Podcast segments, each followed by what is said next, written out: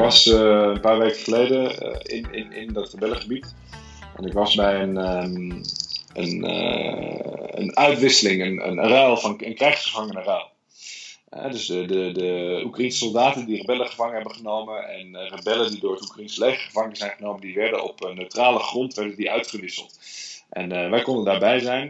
Um, we zijn met de rebellen meegereden naar die neutrale grond. En dat was, toen we daar naartoe gingen, ja, dat was op een of andere manier best angstig. Hè? Je komt op een, op in een soort niemandsland. Daar kijken ineens uh, de twee gezworen vijanden kijken elkaar in de ogen. Het Oekraïnse leger en de rebellen.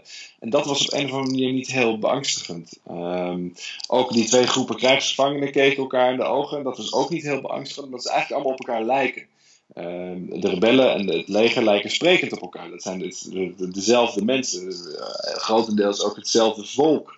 Uh, die op dezelfde manier te werk gaan. Die krijgsgevangenen zien er allebei even geschrokken, uh, vermagerd uit, hongerig. Um, wat, wat, wat, wat echt angstig was, was de ontmoeting tussen de Russische staatstelevisie en de Oekraïnse staatstelevisie. Je moet begrijpen dat in rebellengebied, ja, daar kunnen de Oekraïners niet werken. Eh, op, in Oekraïne zelf mag de Russische staatstelevisie niet langer werken. Dus de enige plek waar die elkaar tegenkomen is ook bij zo'n rebellen, uh, uh, zo'n uitwisseling van, van krijgsgevangenen. En ook dat was fascinerend, omdat die twee machines uh, die twee types journalisten ook zo vreselijk op elkaar lijken. Allemaal volledig embedded met hun eigen, of met de rebellen of met het Oekraïnse leger. Allemaal in van die mosgroene uh, uh, scherfvesten. ja, die stonden ook met naar elkaar te kijken, middelvingers naar elkaar opsteken, foto's van elkaar maken.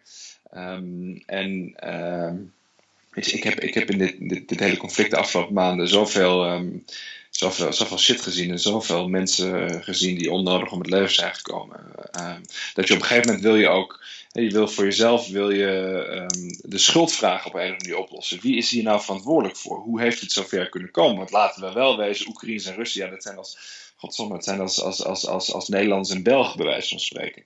Totaal geen reden om op elkaar uh, te schieten. En toch gebeurt het. Nou, wie is daar verantwoordelijk voor? En toen bedacht ik me ineens, dat zijn ze dit zijn die journalisten, die journalisten van de Oekraïnse en van de Russische staatstelevisie, dat zijn de mensen die dit, dit conflict tot zulke krankzinnige proporties hebben opgeblazen, dat men daadwerkelijk op elkaar gaat schieten.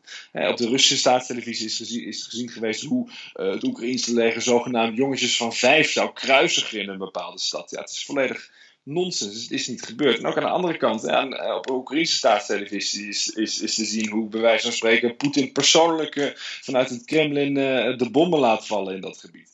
En, en dat is tot, tot zo'n absurd niveau. Um, maar ja, een, oorlog is een, um, uh, een situatie waarin uh, ja, wat je wil geloven veel, veel sterker is dan, dan wat werkelijk waar is. En de waarheid is, is ondergeschikt aan, uh, aan wat je wil geloven. En, en ja, toen zag ik voor het eerst, toen dacht ik bij mezelf, ja shit, dit zijn de mannen die hiervoor verantwoordelijk zijn. En het was, het was wel bijna verhelderend om die eens in de ogen te kijken, maar heel beangstigend ook.